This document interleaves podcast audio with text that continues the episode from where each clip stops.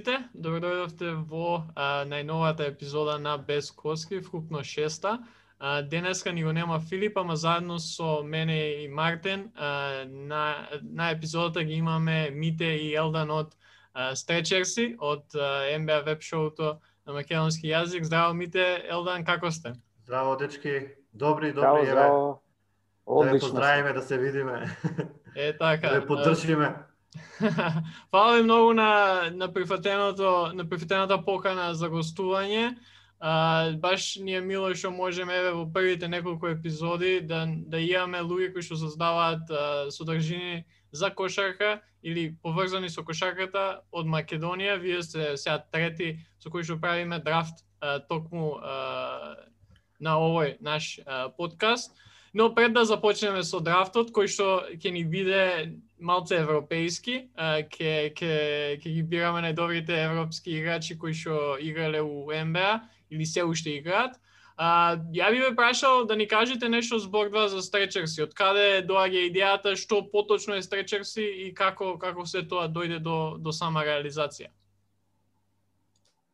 А, то, тоа 4-5 години веќе помина, колку што се сеќавам, Джиги поправи ме ако Шест, грешам. шест. 6. Да, 2015 беше првата емисија. Да. А, ништо влюбеници во кошарка кој што може би во тој период многу далеко повеќе следевме кошарка а, со повеќе бесони ноќи колку што е денеска, денеска се повеќе се одлучуваме да барам јас не знам за Джиги се повеќе се одлучувам да гледам а, откако а, Ќе ќе завршат утакмиците на редниот ден, освен ако не е Нью Йорк Никс во прашање, па тогаш па тогаш ги гледам уште уште вечерта пошто знаа да бидат они најчесто во околу 1 сат па некако се издржува да се да, да, да се изгледаат. И така ја Джиги а, а, Бошко Караджа кој што не е сега тука бев а, а, и сеат а, а, да не го заборавиме четворица Во позадина кој што Да, во позадина кој што функционираше. А, решивме дека а, им, во тоа време и пос- постоеше еден многу популарен блог кој што на нашиот пријател Енес Каракаш. Каракаш, Мак МБА и меѓутоа ние решивме дека нема содржина на видео содржина во тој период, а и плюс дополнително немаше никој од македонските телевизии не пренесуваше МБА и мислевме дека фали некоја содржина што е поврзана со МБА и затоа го а, а, го стартувавме Стречерси. Иначе Стречерси името го избравме а, затоа што бевме четворица, а тогаш беше многу популарно Стреч четворка и од Стреч четворка Стречерси. Од прилика тоа беше логиката. Идејата, да. да. Да. Остави Джиги да каже нешто поврзано со Па ова. да, е, ние тргнавме онака доста ентузијастички, е, почнавме да снимаме доста квалитетни емисии, имавме доста добри критики. А, дури и од балканските држави добивме некој фидбек, а, ни побара да ги преведуваме емисиите на српски и хрватски, се шернува на нивните таму портали. А, меѓутоа, како што одминуваше времето, се повеќе и повеќе обрски имавме при- на приватен план и тоа некако се сузби. Иако ние имаме планови понатаму да снимаме, со Мите се договаравме еве да заврши веќе ова ситуацијава со COVID-19 па да почнеме да да да, да фатиме поозбилно да да се да се да се занимаваме со таа тематика, бидејќи тоа не ни е само хоби, на нас ни беше на вистина љубов да го правиме тоа и со доста ентузијазам како што кажа претходно. Бевме тројца, имавме доста квалитети во нашиот ред соговорник Бошко Караджа, кој што ја разбираше кошарката во срж. Имаше доста добри анализи кои дури и светските новинари од типот од тие што се во ESPN и од TNT го немаат тој квалитет. А, јас барем така мислам, Мите ќе се сложи. Јас се сложувам комплетно дека Да, да, дека јас и Мите однос Јас и Мите повеќе бевме луѓе кои што го наведуваа, него онда повеќе зборува, ние доека бевме тука повеќе за забава и за коментари кои што ќе бидат секако прифатени. А, како што реков, планираме да да снимаме само да заврши еве ситуацијава со ова, бидејќи ние не сме приврзаници на снимање онлайн преку Zoom.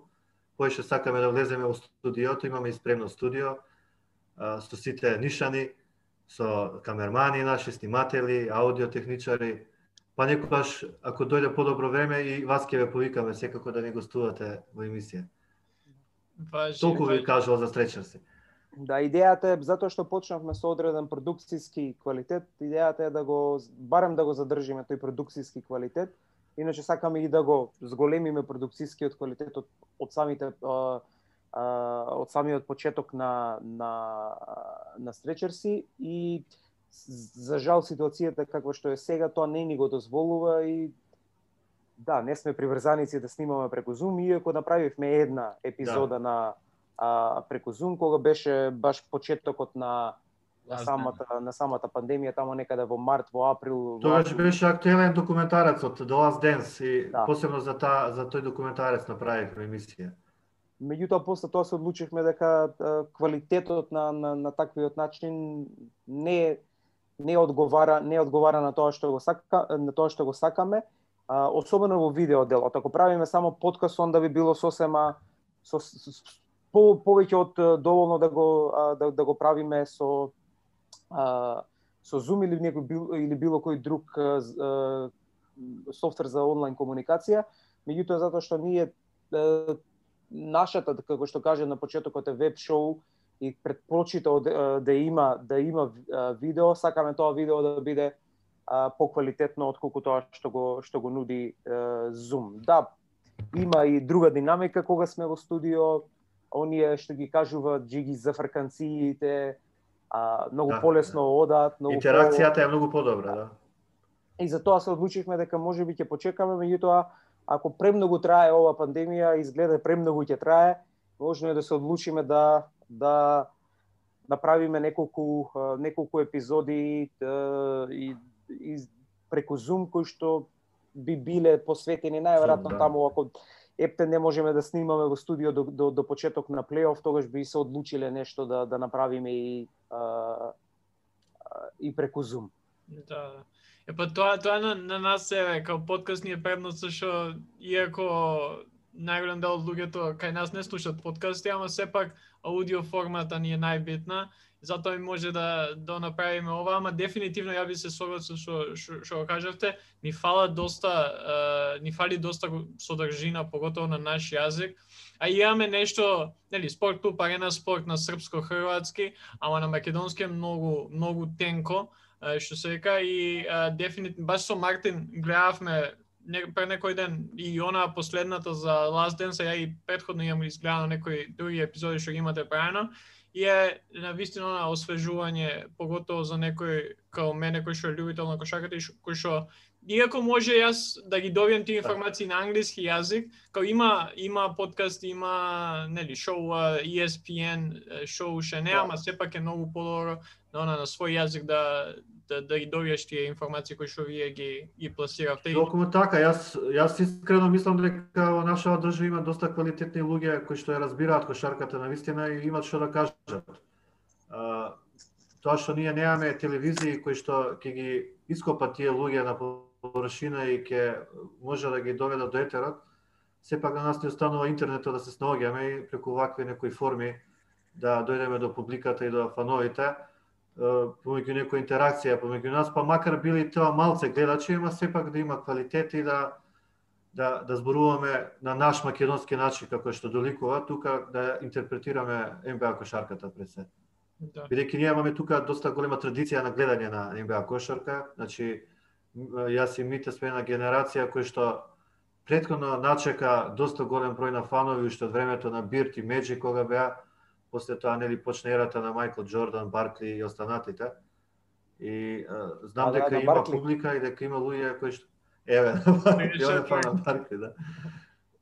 Мислам дека има доста доста а, луѓе што би сакале да ги слушаат и да ги гледаат емисиите. Вие тоа што го правите, а, Стефан исто и секако стречерси.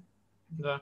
А и па сега кога ги спомна еве Баркли, Булси, тие 90 години да ме прашам јас за кој навиват, иако ја нели слушав стречерси, може да предпоставам, ама чисто онака за оние што не не гледале стречерси, што не ве знаат, да ни кажете за кој навивате УМБ. Еве, може Мите да. А, Добро, а значи ја не случајно го одбрав Санс како начин да прикажам за кого за кого навивам. А, иако сега моментално луѓето најголемиот дел од луѓето знаат, знаат дека сум за Нью Йорк Никс. Меѓутоа мојата мојата условно кажано прва љубов а, за а, во кошарката беа беа Феникс беа Феникс Санс и Баркли ми беше еден од омилените играчи и се уште ми е омилен омилен а, а, и, и, играч а, од тие од тие години а, што значи дека ја почнав ја почнав некако љубовта кон а, кон НБА кошарката со Феникс Санс, меѓутоа многу набрзо го засакав оној тим на Нью Йорк Никс во кој што игра Ентони Мейсон, Юинг, Џон Старкс, на чудење на сите мене Џон Старкс ми е умилениот играч од таа од, од таа постава и нажалост, очигледно со Нью Йорк Никс заглавив е во, пос, во последниве 20-30 години, кој што во последниве 20 години е мака и мачење, ништо друго. Некаде последната радост беше при крајот на на 90-тите, можеби тука почетокот на на 2001 можеби за тоа финале во скртената во скртената со сезона со, Сан Антонио и толку од прилика за заврши приказната со, со, со Нью Йорк Никс и нивните успеси, сето после тоа е катастрофално водење на, на, на, на тимот. Меѓутоа да, да подсетиме дека и да славиме дека конечно Никси во првите седум утакмици од, од првата сезона имаат позитивен скор.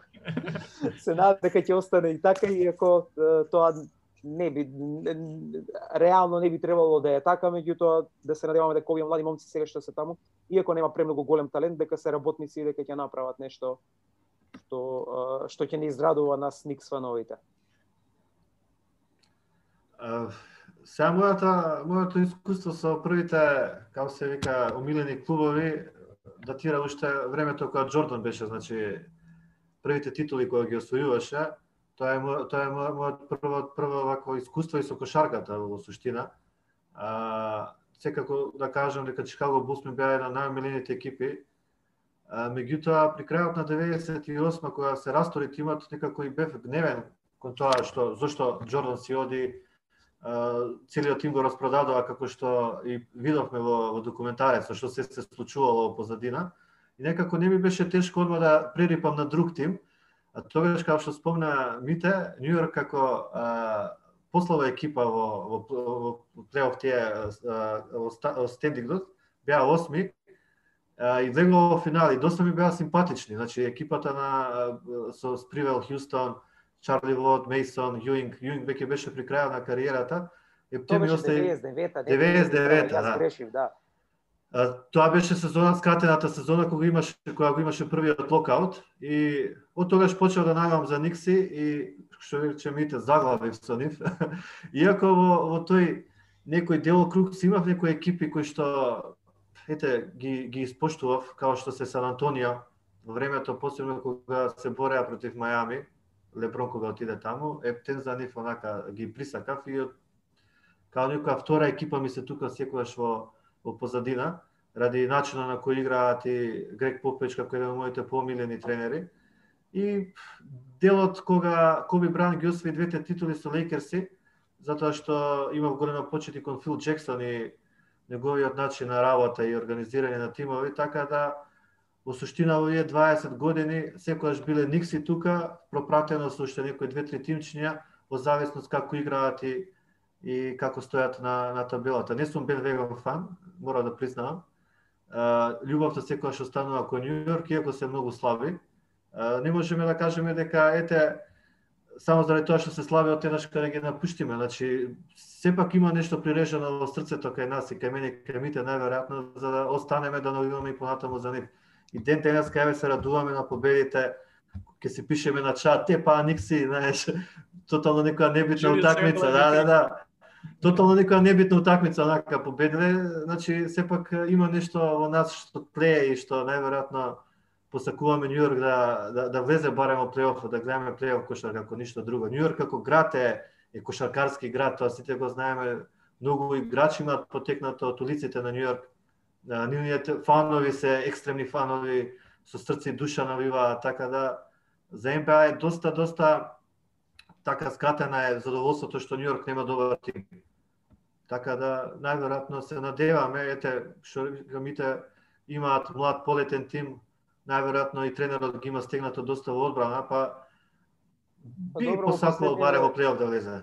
Еден само податок, ако во последниве, не знам, може би повеќе од деценија, Нью Йорк секогаш бил во долната а, во долните 10 клубови, а, последните 10 клубови во одбрана, во овие 7 први утакмици, после децениски пост би рекол, Йорк влегува во прв, во топ 10 најдобри дефанзивни екипи. Тоа е нешто што што Йорк од секогаш го красело, никогаш немал Йорк убава а, а, офанзивна а, кошарка, меѓутоа секогаш имал цврста и, и, и јака одбрана. Мене и тоа ми беше една од причините зашто од Феникс Сан се се префрлив на Нью Йорк Никс таа 94 година и претежно беше па поради Чарлс Оукли и Ентони Мейсон.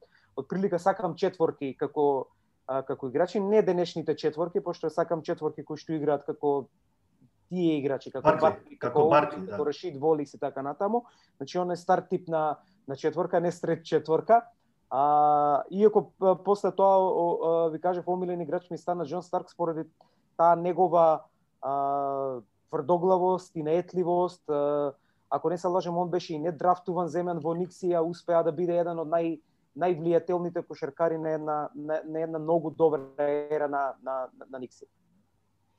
Така. Да, и мислам дека баш кога спомнавте поготово сега со со дефанзивата, самото доаѓање на Том Тиболо како еден од најдобрите дефанзивни тренери последниве десетина години, па и повеќе можеби, бидејќи нели му беше на Док Риверс дефанзивен а, асистент кога освои Во со Бостон, да. Мислам дека многу ќе ќе допринесе и плюс имаат доста интересни млади играчи, не се оние млади играчи у стилот на Лука Дончич или Зајан Вилиамсон или некој екстра талент, ама дефинитивно имаат повеќе млади да може да изградат цела екипа.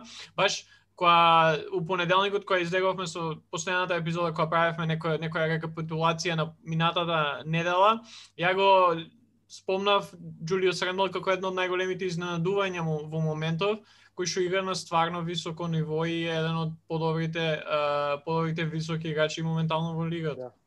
Том Тибодо важи за тренер кој што не ги штеди своите играчи.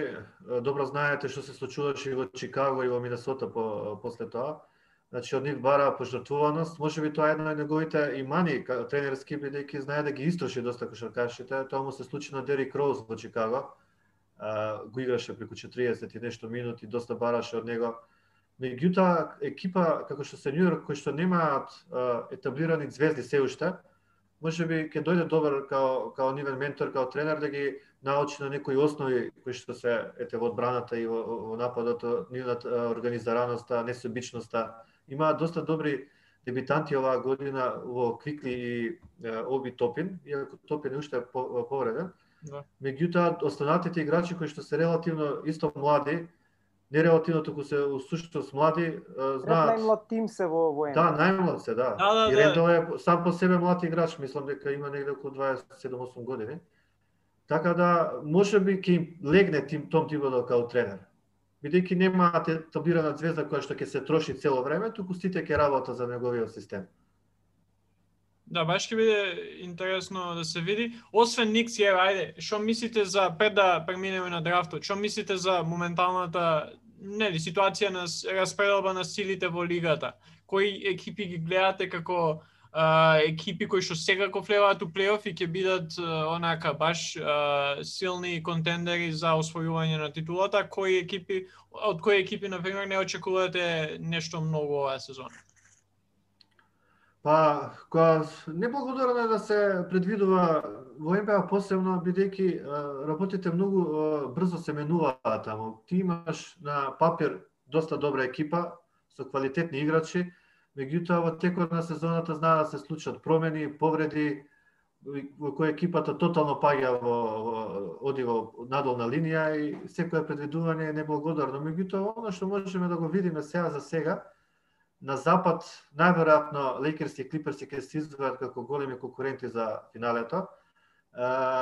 Ги бројам тука Клиперси бидејќи новиот тренер Тайрон Лу на навистина се покажа доста поквалитетен во однос на на офанзивата, значи на тимот. играчите многу подобро ја споделуваат топката и дури приметивме дека има некои сегменти од триангол на Фил Джексон што го игра. А, така да а, како што можеме да видиме, значи на папир се доста квалитетни, доколку нема никоја повреда или било што, ќе бидат еден од главните конкуренти на Лейкерси да за влез во, во финалето. Лейкерси како шампиони и засилени со уште двајца тројца квалитетни играчи во Гасол кој што е роден шампион поеќе титули има освоено на интернационално ниво, нели, од во НБА, али пак има доста големо искуство во одбраната и и со Торонто се освои титула човекот на вистина еден од главните причинители за тоа, иако тоа не се приметува, меѓутоа неговата неговото присуство под кошот е од голема важност. А, собра квалитетен играч од Клиперси на четврка, како се викаше Хаздел. Монтес Херал. Херал, да сега се покриени на таа плеймекерска позиција во од германскиот Рондо. така го викаме Шродер ние, бидејќи го има истиот стил на игра. И тоа е тоа за мене се тие два тима на западот што најверојатно ќе ќе се борат за финалето, иако имам доста големи очекувања од Хјустон, не знам зошто така некако ги пратам последно време се уште не се уиграни како што треба, меѓутоа имаат подобар плеймейкер сега во Вол отколку што беше Расел Весбрук. доколку се играа со Харден, доколку Харден се уозбили, значи почна да игра со срце како што играше порано, мислам дека може да им ги помата сметките бидејќи имаат и квалитетен центар сега млад центар Кристијан Вудли беше така, мислам, че дека се вика дечката. Има неверојатни бројки, имаат тренер сега поозбилен од Майк Д'Антони, никогаш не сум можел да го сватам системот на Д'Антони, бидејќи дава првични некои резултати добри, меѓутоа кога ќе дое држ не да во плейоф, секогаш секогаш бил губитник. И со Феникс, и со Нью Йорк, после тоа и понатаму и со Хјустон. Значи да. не може да стигне до крајот. Он има резултати, не велам не, дури може да биде и најдобар во лигата во регуларната сезона, меѓутоа неговиот недостаток и големо трошење на топки, кога ќе дојде плейоф, веќе тука и, и неговата неможност да се прилагоди на играта, бидејќи тврдоглаво го тера тој еден пат. Да не навлегуваме многу во, во, во тој сегмент. На исток а, има доста квалитетни екипи кои што се на исто равниште. А, би ги одвел тука, нели, Бостон, а, Бруклин сега со а, Дуренти Ирвинг, а, Милвоки секако мислам дека се доста ослабени за разлика од минатата година, меѓутоа да почекаме да видиме како ќе се уиграат. Секогаш го имаме тука тврдата Индијана, да не го забораваме вице шампионот Мајами, кој што горе доле остана иста екипа, очекував да има некои малце големи промени на клупата, да, да, да ја појачаат бидејќи играа буквално со седом играчи во, во цел плейоф лани. Тука Пет Рајли би требал малце да, да, да поработи да донесе двајца тројца квалитетни играчи кои што тупата може да подпомогнат, доколку сакаат да направат нешто повеќе во плейофот, али мислам дека оваа година ќе има многу голема конкуренција во, на исток, така да а, ете тоа би ги одвел и посакал Нью Йорк да, да, да влезе барем во плейоф, ако ништо друго. За другите екипи секако дека може некој ќе позаборавам во овој момент, Uh, али мислам дека ги спомнав. се забори како добра екипа на исто. Атланта Хокс? Да. Да, Атланта Хокс мисля може да изненади, ама може и да, да, да, да си остане на нивото на таква некоја. Па видовме дека со Богдан Богдановиќ плейоф, ама нема ништо да, да, да има шанси да направи. Мислам дека Богдан ќе ќе има многу далеку поголема улога таму и дека конечно ќе се го најде своето место во НБА, веќе кога зборуваме за и еве малку ротира за европските играчи Меѓутоа, уште после втората утакмица почна да влага веќе од клупа. Најверојатно го смета за некоја ете таква рол плеер или подршка од клупата. Уште не може да се таблира како некоја ете полузвезда, бидејќи тоа во Европа на висина беше. Богдановиќ беше звезда во Европа и знаеме сите дека не се плаши да да шутне да одлучувачки моменти да преземе контрола над играта. Меѓутоа во НБА некако слаба се снаоѓа за сега, што ми е навистина жал. Ај за разочарување, јас ќе кажам, пошто Джиги од прилика кажат таму и ваму кои се најјаките, за мене на запад огромно разочарување се Нагец и, и Далас Маверикс. Далас Маверикс не, не толку разочарување затоа што сметам дека нивната екипа не, не само што не се не го задржи нив, а, нивото игр а, со играчи од лани на на хартија, туку дури мислам нека и а, онака кој ќе ги видиш како, како ростер дека се послаби од од од ланската ланската екипа што можеби тоа тоа а, кажува дека не е толку големо изненадување ваквиот лош старт на Dallas Mavericks, меѓутоа е за мене е огромно разочарување Денвер Нагетс, особено што им се вратија и играчите кои што не беа во бабалото, така што се а, едни од носителите заедно со Јокич и со Мари на, на, на, на играта на Денвер Нагетс имаат екстремно лош старт, иако имаше една зафрканција кога беа со скор 1 спрема 3 као нели ја научивте лекција, дечки, као не се зафркавајте. Лошо е нагец кога кога се кога али, има скореден. Али видите Јокич игра, Јокич игра преубаво Марија тој што сега за сега не може да го подигне нивото на игра од лани. Да, ја мислам дека нагаз ќе се вратат во во, во одредена форма. Ја истото мислам. истото Да. прилика беше и лани ако се сеќавате, бавно почна, не изгледа добри, дури и во плейофот никој не им даваше било каква било каква шанса и на крај успеа да направат е, два историски е, е, подвига. Е, и очекувам Нагес да се вратат во во како ќе тече сезоната, меѓутоа сезоната е, да, е пократка на, на место вообичаената и е, е, е, како што гледам на почеток колку играчи се повредија, очигледно се недоволно спремни а, поради сите а, оние препреки кои ги има за исполнување на тренинзите и, и, и сите оние редовни работи кои што ги прават кога нема кога не, кога нема услови на, на, на пандемија. Многу повреди имаше на почетоков на, на сезоната и мислам дека ќе се случува тоа и во иднина, оно што баш Джиги го кажа, многу е тешко да се предвиди оваа сезона затоа што ќе биде а, мислам дека ќе биде а, ќе ќе има доста доста влијание недоволно подготвеноста на, на, на, на екипите. Која екипа уствари ќе ќе успее да се снајде во таков во таков еден а, систем. Да, баш и ние зборевме за нагеци, одбраната им е прелоша, една од полошите одбрани и еве, например, синоќ ќе победи, ама пак примија 116-117 кошери од една екипа на Timberwolves. А, така што тоа мислам дека е клучот за нив. Ама, окей, мислам, онака, офативте и вие баш онака убаво а, за актуелна ситуација. Ја уживав дека ве слушав, поготово за, за кога зборевте за а, омилените екипи. А мислам дека е време да да преминеме на главната Ајде. тема. А, за денеска, сега ја со вас овде што сме нели на епизодата ќе шернам скринот, а, а оние што не слушаат или не гледаат на YouTube може исто да видат.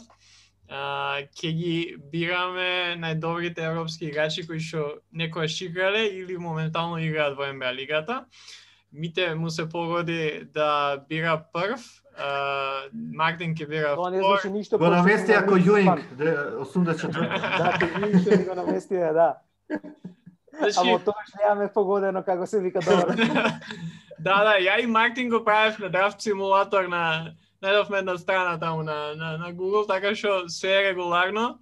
Мартин втор, ја трет, Елдан ти ќе беше последен, со тоа што нели, Добро. втора рунда си Имам уште еден пик, да. Да, да, и 20 пикови, а, нема, нема што да се должи многу, освен тоа, нели? Добро.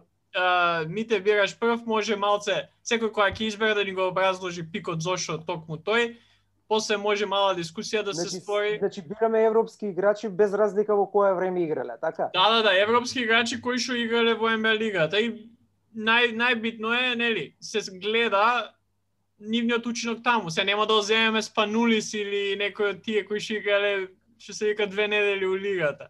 Ама Јасно, биле прејаки во Европа. Се ама- секирајте. Да, да. Не, не, јас знам О. за вас, ама чисто за тие што не Ова е, ова е доста интересна тема, бидејќи ние секогаш се- сме се врзувале за тимови кои што имаат барем еден играч од Европа. Барем за мене можам тоа да го кажам. Колку и да мразиш некој тим, али ако имаш некој играч од Европа таму, ти станува симпатичен. Така да ги имаме пратено доста европските играчи и би можеле да кажеме доста, барем барем за мене така осеќам. Так, така, Иако, да иако почнува, можам малце да ви се поднавотам што не сте ставиле интернационални играчи, бидејќи одма први го ставил Дженобили тука, мој- еден мојот Па, омилени. кој што не, кој што ти кажа си Али- дека тоа е прилика пак да ве имаме, пак да ве имаме, тоа за интернационални Уште Така, една, да. уште една епизода. Може, може Мите да почне. Ајде. Добро, окей. Нью Йорк Низ како прв пик на драфтот го бира Тони Кукоч. Еве зошто. А, а, значи најверојатно тука некој ќе очекуваше Дирк Новицки, Дражан Петровиќ да се каже.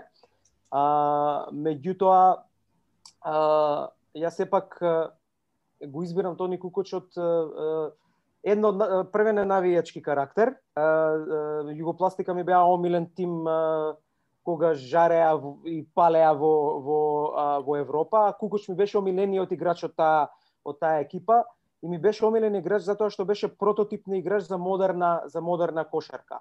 А, значи он беше ликот на, на нешто што следуваше наредно во а, не само во европската кошарка, туку мислам дека и на и на светско ниво. И денес како ги земеме во во а, во обзир колку се ценети оние играчи кои што играат на позиција а, кажана point forward, Кукоч беше тоа во тоа во, во, во, тоа време. И затоа мислам дека Кукоч е играч кој што го градеше патот заедно со Дивац, Дражен и други европски кошер кошеркари во тоа време не беше многу лесно да се игра во НБА во тој период, имаше голема недоверба за за играчите од кои што доаѓаат во Европа и мислам дека доколку а, а, на тие играчи тогашни од Европа им било дадена поголема шанса дека многу повеќе ќе ќе ќе покажеле и а, Тони да не забораваме играше во еден тим а, кој што да а, беше најдобар тим, еден од најдобрите тимови некогаш во во историјата на НБА. Значи играше со најдобриот кошеркар на, на, на, на светот и најверојатно најдобриот кошеркар на сите времиња. И затоа мислам дека кога човек може да се снајде во таква екипа и да, би, има- да има толкав голем придонос, би го ставил пред сите други европски играчи. Поштено, да. Мене, мене ми се свиѓа уште од старт пикот, знам Мартин малце ќе нагодува сега, ама ја дефинитивно Тони Кукоч ми е first round пик, супер пик. Може малце тие што не следат и што не гледаат ќе се изненадат, ама ако го гледале Кукоч мислам дека јасно им е зошто пикот. Па инаку не би се сложил поради сите достигнувања на Дирк во NBA, за разлика од Кукуч, бидејќи Дирк е многу има во се е подобар од Кукуч, има MVP, има MVP Finals, има All Ама нема прстени колку Кукоч. Да, ама... Има 14 пати играно само на All Star, има 5 пати играно во First, мислам бирано во All. NBA First Team. Неспорно, неспорно дека Дирк Новицки има повеќе квалитети у смисла на неговите офанзивни некои ете а, карактеристики и Дирк според мене е единствената европска звезда кој што беше носител на тимот. Ние не можеме да најдеме ниту еден друг играч кој што може да се каже дека била прва звезда. Еве, да Јас пробаме. Јанис. Јанис сега, да, Да, Јанис, добар Да, си. Да, ја- ние да. дека Јанис е црномањас, па некако не го за европски играч, цело време позабораваме. Иако еве би го заборил Јанис да го ставам а, во, во, во пикоиве. Да. На вистина ете така некако не делува дека е американец ради бојата на кожата. Секогаш сме а, сме навикнале на бели европски играчи.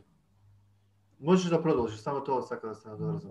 Па едноставно неговите бројки за Дирк Новицки кажуваат за него и за неговиот допринес на, за Dallas Mavericks, како прво и за целата NBA лига. И како единствен европски играч е со 30.000 плюс поени дадено во NBA, што значи Океј, Ние рековме вчера дека навивачки ќе да. Да, да, да, да. Ама не само тоа, тоа ти остава можно сега ти да си го драфтуваш. Мисля, мисля нема што нема што да му давам сега. Мисля дека веќе кажа кој го зима, Не. така? кон, концептот на бирање ми го наруши. Ако Тоа драфтот е интересен кога Никси имаат прв пик. Па да, секога, секогаш промашуваат. Да. Добро, мислам. Да, мисля дека Мартин но може да го запишам дека втор пик, така? Да. Да. Нешто да да објасниш или Па. ама мислам дека е очигледно, еве ја ја само да се надоврзам, очигледно као ако бираме онака најдобар, најдобар, квалитети и наратив и све тоа, Дирк несомнено у Далас Јас се сложувам со Мартин во многу тоа што го кажа, да ако бираме најдобар европски играч на сите времења, најверојатно би го спомнал Дирк. А, а меѓутоа во оваа ситуација повеќе гледам во, во насока на, на, на драфт кога сите би ги ставил дека играат во една иста а, ера, во една иста а, во еден ист контекст. А, а, за мене Кукоч го, го одбирам затоа што мислам дека контекстот во кој што играл е многу поразличен во Дирк. Верувам дека Кукоч ако би бил сега а, а, драфтуван дека дека а, дека ќе биде далеку поголема сензација од Лука Дончич. Дефинитивно, Во, да, права, во права е мите. Кукочка дојде да игра, се уште имавме тврда кошарка во НБА, каде што он си го бараше местото во, во екипата, а сепак успеа да се снајде. А, имаше неверојатни офанзивни а, карактеристики човекот, го вика Келнерот заради неговата можност да подаде топката на секој дел од теренот, а значи беше колку беше висок, 2.11 ли? 2.11, да, да, да, околу Со таа висина да се движиш така да беше значи прототип на играч во тоа време. Со таква можност, Дурант. со таква можност дури Дурант ја, ја нема таа прегледност на играта што имаше Кукоч. А, после тоа они малци го на вежба му дадоа маса на тело, му додадоа, он беше доста слаб. Му дадоа И- малку стероиди. Да, малци сториди пукаш. Значи, ние не можеме уште да сватиме колку беше голем играч Кукоч бидејќи играше во позадина на Майкл Джордан и Скоти Пи- Пипен. А он во таа таква ситуација, при еден таков Майкл Джордан кој, бара, кој бараше значи, максимум од сите играчи, он успеа добро да се снајде. И во документарецот можеме да видиме кои почитување го има Джордан кон него. Иако на старт кога влегол во НБА имале големи хейт ради начинот на кој Джери Крау се понел кон Тони Кукоч дека е еден од најдобрите играчи, додека ги запоставил Джордан и Пипен, дури ни платите не сакал да им ги зголеми ради тоа.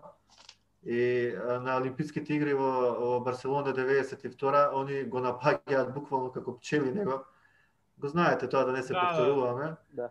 Али успеа значи со неговата значи начин на игра, неговот неговите вештини да да, да ги придобие значи Џордан и Пипен и го сметаат за еден од главните причинители за последниот успех, тие, тие, три титули што беа на крај. После после а, а, а, распадот на Чикаго, Кукоч веќе почна да има проблеми со повредите, со кичмата и затоа не остаи голема голем печаток после тоа. Мора мора да се каже дека имаше голема повреда на кичмата. Дефинитивно и, и мислам дека еве ја се мислам помеѓу двајца играчи сјака од трет пик. А, знам кој би бил онака а, што се вика изборот кој што може да изберам реален, ама ама ја ќе идам со Владе Дивац.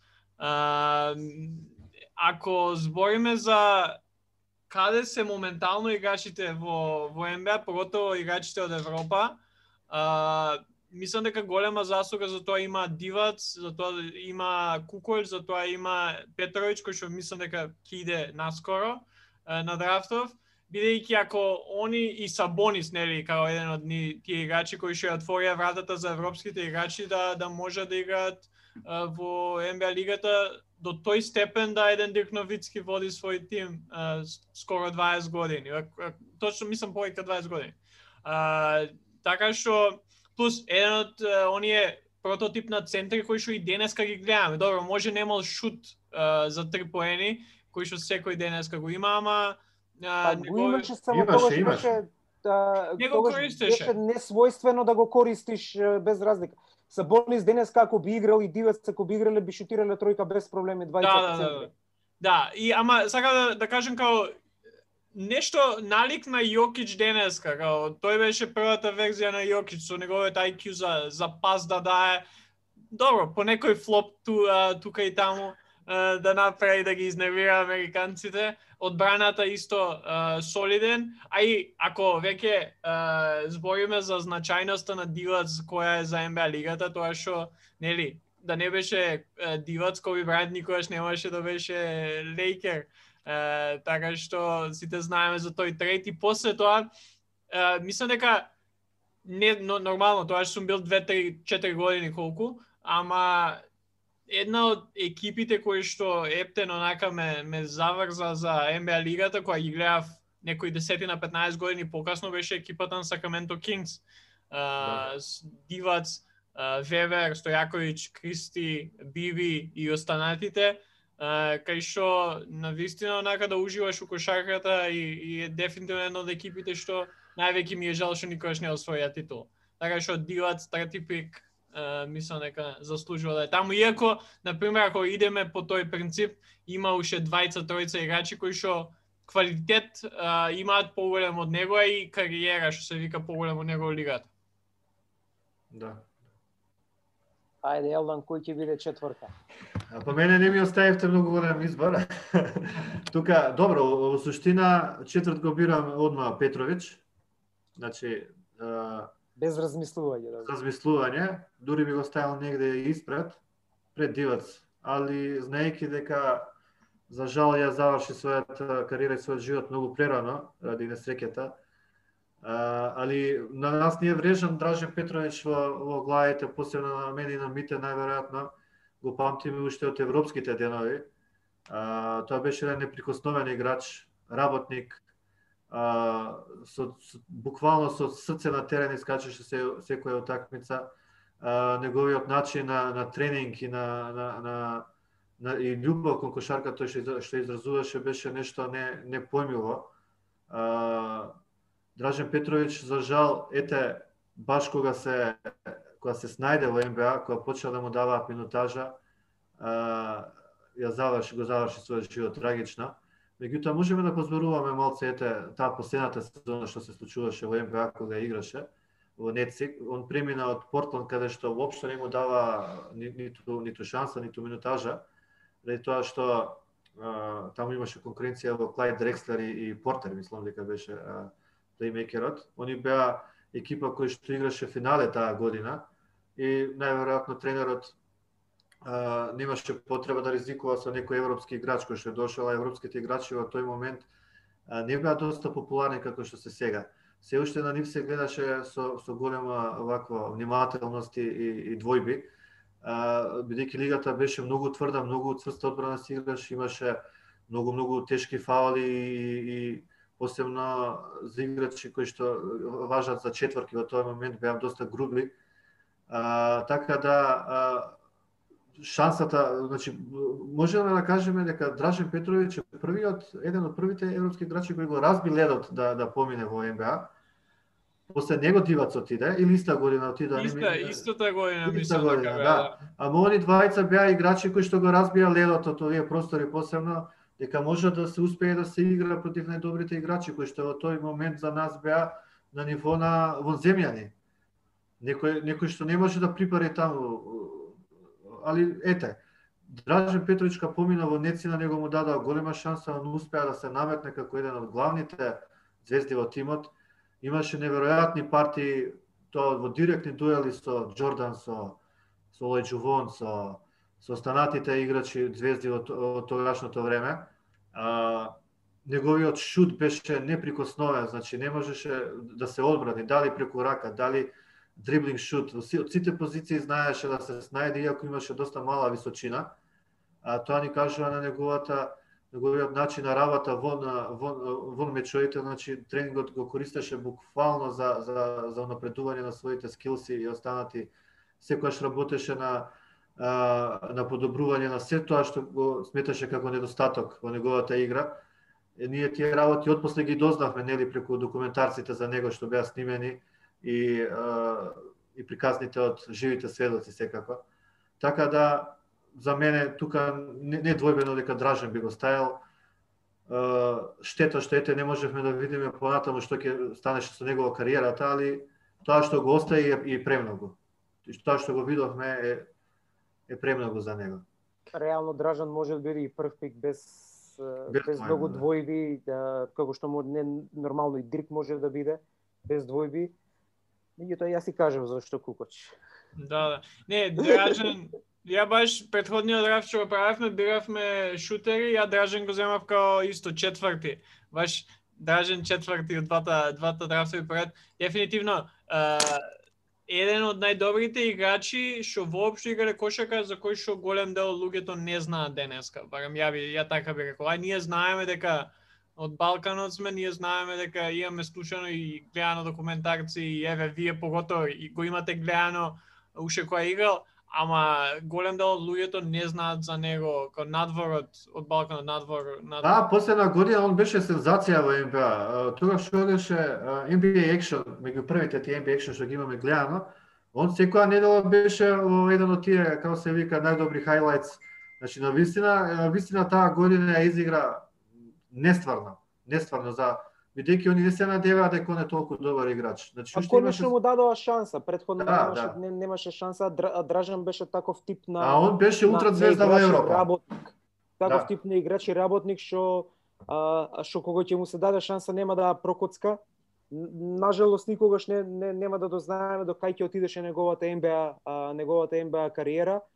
А, и, и, и може би една од причините зошто, како се ви кај да речеме сега, не го избрав Дражан пред, а, наместо Кукоч а, во оваа ситуација да речеме, зашто стално би го ставил Кукоч пред Дражан, токму тоа скратена шанса да го видиме Дражан како МБА играч на подолго време, како што имавме шанса да ги видиме сите овие други. Да.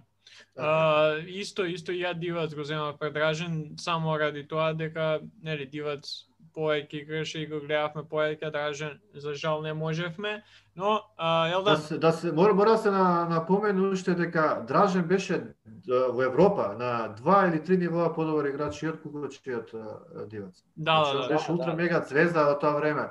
Во Реал Мадрид играше, значи Пак Има има нели утакмица имаше имаше утакмица со со 112 поени. 112 поени, да, да. Значи он беше ултра мега звезда во Европа, меѓутоа ете Портланд не му дадоа шанса, али на крај се испостави дека се работи за играч кој најверојатно ќе беше All Star во НБА. Во Да, најмала рака, значи. Да, да.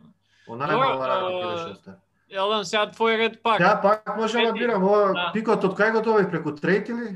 Ова преку трикот од Никси со Андреа. Бањани што го што- ги дадоа. И за мелотридовите што има. Се живо да.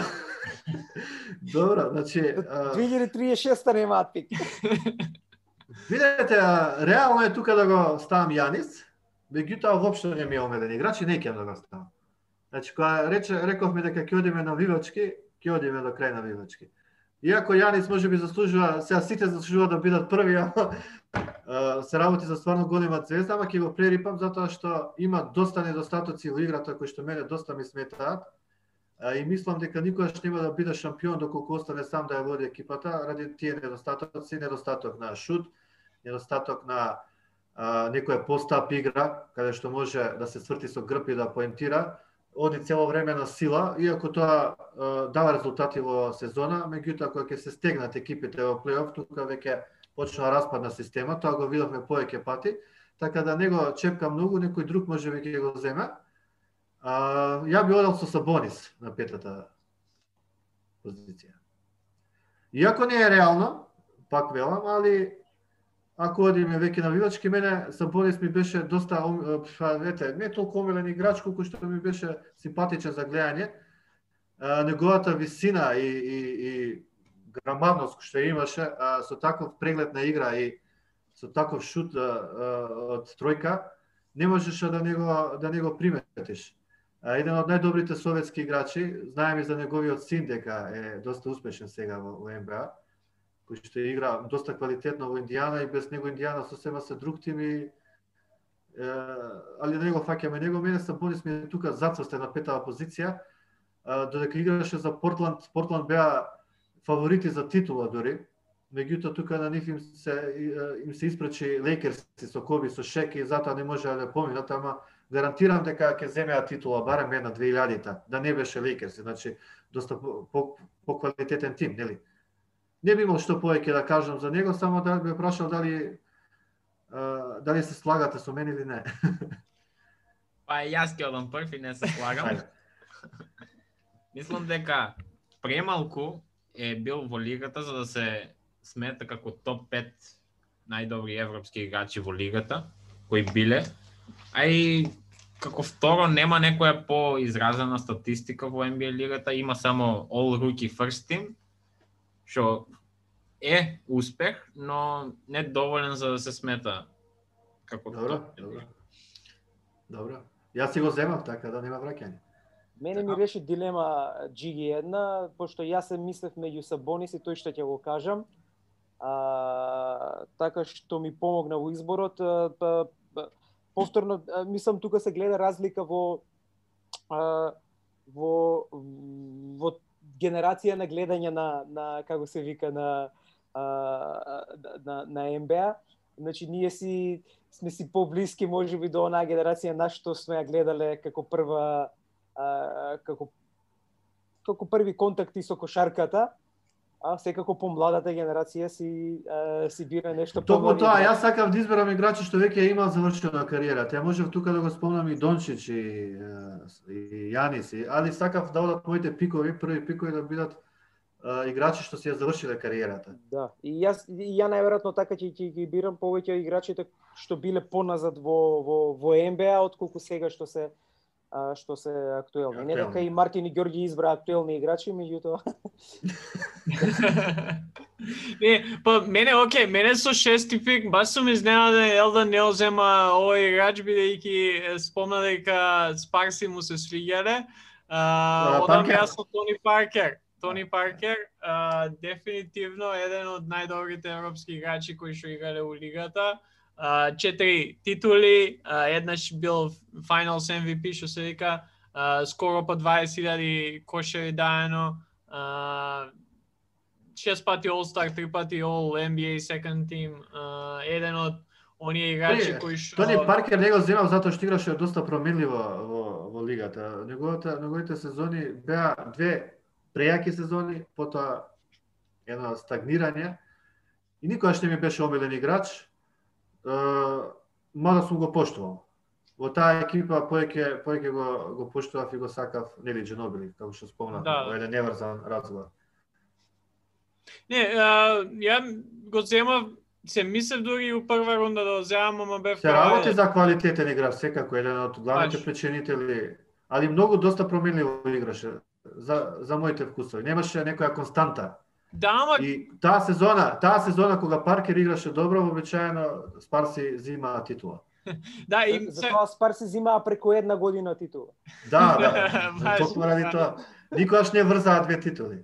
Не, а, мене, мене кај Паркер највеќе ми се свиѓаше, да, променливо игра, ама Паркер кога треба, као оние клучни моменти, секогаш ќе дае, знае, као не знам Несомнено, како, несомнено. не знам како, Да, тоа ама- спомнав јас.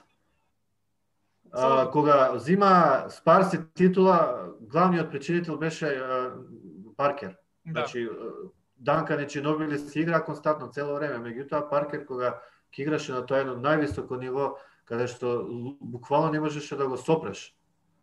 А, ја, ја, ја оркестрираш играта на Спарси до едно неверојатно ниво и титулите што ги зема, титулата што зема против а, Мајами последната 2014 ли беше, па и 15 уствари. А, Главен причинител беше добрата игра на Паркер и секако појавата на Ленард како Да, еден да, да. друг фактор во тој момент. Да, и, и никогаш не можам да си објаснам како Паркер може да ги даде тие некои circus shots, што се викаат како толку е, не, ја нема висината, не е толку силен, ама секој знае како да заврши на кош. А, Така, Добро. така. Да. седми, седми пик, Мартин, мислам дека Добро. има... Јас мислам дека испуштивте еден многу добар играч од Европа, а тоа е Пау Гасол. Мислам, сите знаеме за Не него. и- зема сите пикови. а има над 20.000 поени дадено, има играно 1220. Има доста играчи, има доста играчи. Ке Ќе се надокнаде. Да, па има Rookie of the Year, мислам има освоено. Да, тоа сакав да кажам, ке се надокнаде. А, два пати е бил NBA чемпион, има играно All-Star повеќе пати, шест пати поточно. И мислам дека многу од вас заборавивте на него. Мислам дека секако требаше да оди во прва рунда. А, победник е, знаеме со кој Брант има освоено Две. две титули, неговите две. И во тие финали не има играно страшно добро, имам прилика и сум имал, сум имал прилика да ги да ги гледам како снимка, некако не во живо, но сепак мож, сум можел да ја видам големината на Пау Гасол во кошарка. Да, мислам дека до сега ќе позабораваме доста играчи. Да. Затоа затоа драфтот интересен бидејќи не знаеш кого ќе избереш. У моментот ти доаѓа пик и може да сгрешиш. За така го избра и Бови пред Джордан. Не, тоа ми е многу а, а, што сакам да кажам, многу убаво и баш и вие спомнавте преска, као се гледа таа различност, тоа е разлика во генерации, кај што ја и Мартин гледаме повеќе статистика моментално, као повеќе аналитички гледаме на пиковите, а вие сте онака баш на на на он- она што сте огледале и што ви останало усеќавање што што што го имате као меморија. Верувајте ми, за Сабонис, а, да го образошам уште еднаш кај пикот, навистина имаше а, мала кариера во НБА, меѓутоа тоа што го покажа беше преквалитетно. Преквалитетно. Кој ќе ги земе тие да ги гледат тие утакмици Портланд 2000-та, 2001 2 3 ќе види сега работи за еден апсолутна звезда во тимот, меѓутоа многу покасно дојде во НБА, така да не му преостана многу време да игра. Да. Не, мислам дека до сега било кој играч заслужува да биде у првите 10, така што, а и плюс дека има премногу европски играчи, на крај може да имаме екипа, као некој од нас да има она целосно подобра екипа од еве Мартин што ги има земано Дърк и Пао Гасол. Така што доста интересен е форматот да да видиме до крај како ќе се одвива, ама сега мите Да. никакви што имат као осми пик конечно да да земаат, дали дали ќе промашат пак.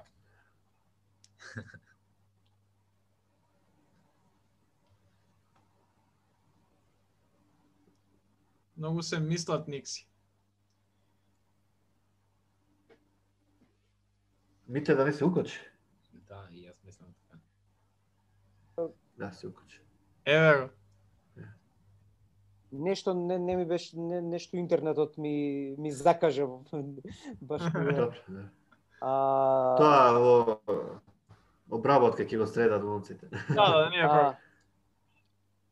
е сега мене изборот ми е многу тежок а, од неколку причини затоа што што главна главната дилема ми беше помеѓу Сабонис и Пол Гасол и ако нив ги зема ќе го земе в Паркер.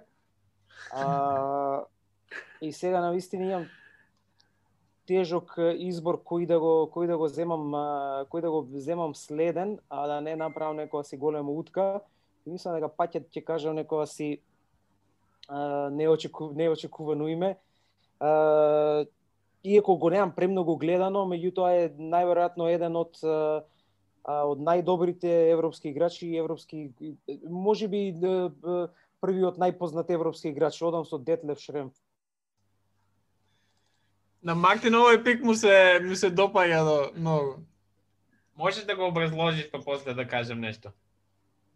Па, а, видете, а, Шрем беше а, еден одличен а, пред се во, во тогаш во, во тоа време кога не си играше премногу на она што денеска го гледаме а, тројки, он беше одличен а, шутер за а, за три поена.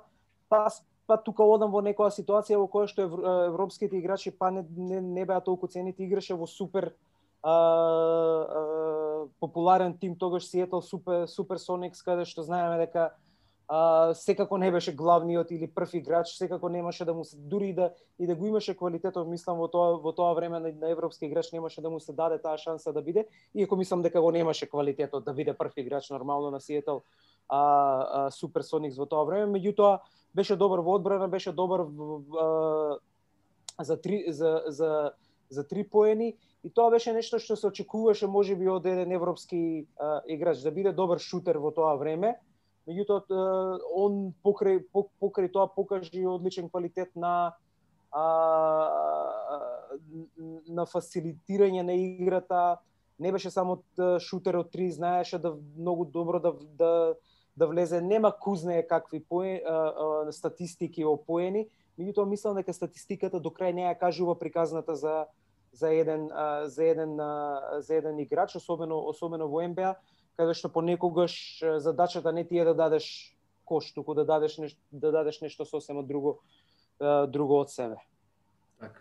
Па, инаку, за Шемпров мислам дека и он се нашол во ситуација како Тони Кукуч да биде трети играч на екипата. Има освоено три пат, а, не, има освоено два пати Six Man of the Year. Значи бил во некоја улога како Тони Кукуч и мислам дека сите заборавате дека Шемпров Шемпров Шремф. Шремф. Тешко името за кажување, да. Шремф. Шремф а бил во лигата пред Дражен и Дивац. И мислам дека заборавате дека а, кога спомнувате за Он го разби ледото. да, за разбивање на ледот на европски играчи во НБ, сите велат е Дивац, Дражен, а никој не спомнува за Шремф, а тој бил прв во И Марчулионис. Кој? Литванецот. А, Марчилионис. Марчулионис, литванецот. Да. Имаш ли? Имаш слушната за него? Не. Немам слушнато. Е, А, Мислам дека се заборава Шремф. И, Добро. инаку има дадено 15.000 поени, што не е лоша статистика за европски играчи. Да, има повеќе од Дивац, на пример, дадено и од и од Кукоч и, и Дражен секако, ама тоа нели не, заради е, пераната смрт. Мислам дека Шемп е добар избор. Одличен. И сега Мисле- треба повторно јас, а? Да, да. Некако пак Сега, сега е многу тежок изворот затоа што реално и се стеснува а, ова, значи имам а, играчи сега не знам дали би дали би одел као се вика на, на, да, да формирам еден тим или без разлика не треба да одам као тимот кец до петка да да да, да Па правам не или би да ти била лоша идејата. Не би ти била лоша идејата. Па не, ја као градам тима, не као Да. кој би бил најдобар следен ми е во, во, во главава. Ама веќе пошто ми ги земавте Пол Гасол и ја тука би одел на Дино Раджа. Не се сомневав Па мораше некоја четворка да изберам. А, а ако нормално би бирал помеѓу Пол Гасол и Дино Раджа би го избрал Пол Гасол најверојатно. А, иако Пол Гасол е и петка, и Дино Раджа играше поголем дел од својата кариера и, а, и петка кога имаше потреба, меѓутоа мислам дека природната позиција му е му е, му е четворка а, и на Гасол и на и на а, и на Раджа дека подобро се сноѓаат таму. А, искрено се мислев помеѓу Стојаковиќ и Раджа. А, дали да ги одберем, меѓутоа веќе кога ги имам Куч- Кукоч и Шрем се одлучив за Раджа, затоа затоа отидов на Раджа, можеби ќе го изберев Стојаковиќ во некоја си друга варијанта ако ги нема Кукоч и Шрем веќе. А, премногу тројкаши ќе ми беа во една во, во, во една екипа. А, може би добра за ова за ова кошарка сега што се игра, не за 90-тите која што и јас ја предпочитам. А, за Дино Раджен не не не знам ш, дали дополнително треба нешто да се да се зборува човекот доаѓа исто до на славна југословенска генерација на Кукоч, Дивац, Дражен. А, сите заедно играа во таа југословенска репрезентација на едно високо ниво. А, Раджи играше во Бостон во Бостон Селтикс каде што имаше одлични а, одлични партии, беше а, повторно ќе кажем иако Даш Шремф и, а, и, и, и, и како што го спомна Джиги беа пред нив, меѓутоа а, овие може би и нашата поврзана со нив меѓу да, овие а, играчи бе, а, беа тие кои што дадоа Овие не ги не ги сметаме за европски играчи дека беа од советскиот блок. Е, да, може би. А, е, меѓутоа овие овие играчи би рекол ка, е, што дојдоа од југословенската кошарка м, е, дојдоа во една во еден пакет заедно. А, и направи еден блок на на на на, на играчи кои што а, кои што а, кои, кои што ја, бут, ја, ја бутнаа понатаму довербата кон европските кон европските играчи и затоа Дино Раджа го а, го го бирам. На Мартин ќе му оставам статистиката. а, доколку има доколку има да да да додаде нешто во однос на на на на, на тоа ја повеќе па како што како што гледате ги бирам играчите врз основа на тоа што го имам што го имам гледано на теренот. А, знам дека сега се популарни аналитикс гајс во во во NBA и тие одлучуваат од прилика, меѓутоа како што кажав има нешто што аналитиката не може да го каже. Не, ја баш, ја, ја наместо Магдан, ја ќе дам мала статистика и баш у, у тој поглед да да само ти го онака зацврстам ставот или изборот за Раджа, бидејќи да, нема многу поени да но се вкупно у кариерата, има само 4 сезони одиграно у Бостон Селтикс и после тоа нели си има вратено во Европа, ама а, бројките баш сега му ги гледам, му се а, borderline double-double. Има 16,7 за тие 4 сезони поени и 8,4 скокови. Така што Дино Раджа е еден од оние играчи кои што е токму може да се каже дека е играчите кои што токму заради та тоа гледање на европските играчи така како што се гледало 90-тите години а, нема успеано поеќе во во МЛ лигата, бидејќи да Дино Раджа играл денеска, дефинитивно би бил на нивото на еве Порзингис можеби или би се гледал као Порзингис, би бил подобар играч, секако подобар играч од Порзингис, ама ама сите би, би едва чекале да да гледаат Раджа и да имаат у тим, би рекол. Така што мислам солиден пик, реално баш ќе биде интересен, ќе бидат интересни коментари, поготово на Инстаграм дека мислам дека таму помлади не следат и интересно ќе би они е, како нивно видување, ама ја до сега уживам, знам Мартин, а, на Мартин, оке, Мартин бира ќе ќе ги земе играчите што сакаше да ги земе секако, Да. ама мислеше нема Многу е, да многу е, многу е битно да се напомене дека играчи како што се Дино Раджа, кога ќе погледнеш статистички, гледа играл 4 години, немал некоја доста што се вика статистика добра, одма ќе мислиш дека не вреди. Меѓутоа луѓето што го гледале како играат, знаат дека се работи за еден од поквалитетните четворки во Европа пред се, а потоа и во НБА. Играше на многу високо ниво во Бостон тогаш играше ми се чини. Да, да, да. Uh, кој изгледал барем една, еден надпревар од него, ќе свати дека се работи за ултра квалитетен играч, посебно многу добра четворка. Uh, затоа и мите најверојатно го избра него. Да. Добро, Мартин, де, десети. Па сакам да кажем само едно, а тоа е дека а, не икам не сакам да гледам толку преку статистика, но едноставно сум немал шанса да гледам со своји очи, морам Така, да ја така, користам статистиката, морам Јасно, да користам јасно. аналитика и затоа мојот Ова е судир на генерации, затоа е интересно да се да, сепак надоврземе. постари од мене и затоа ги гледате работите и кошакарите Да. со друг начин како што јас ги гледам. Десети? А, десети го бирам Јанис Антетокумпо.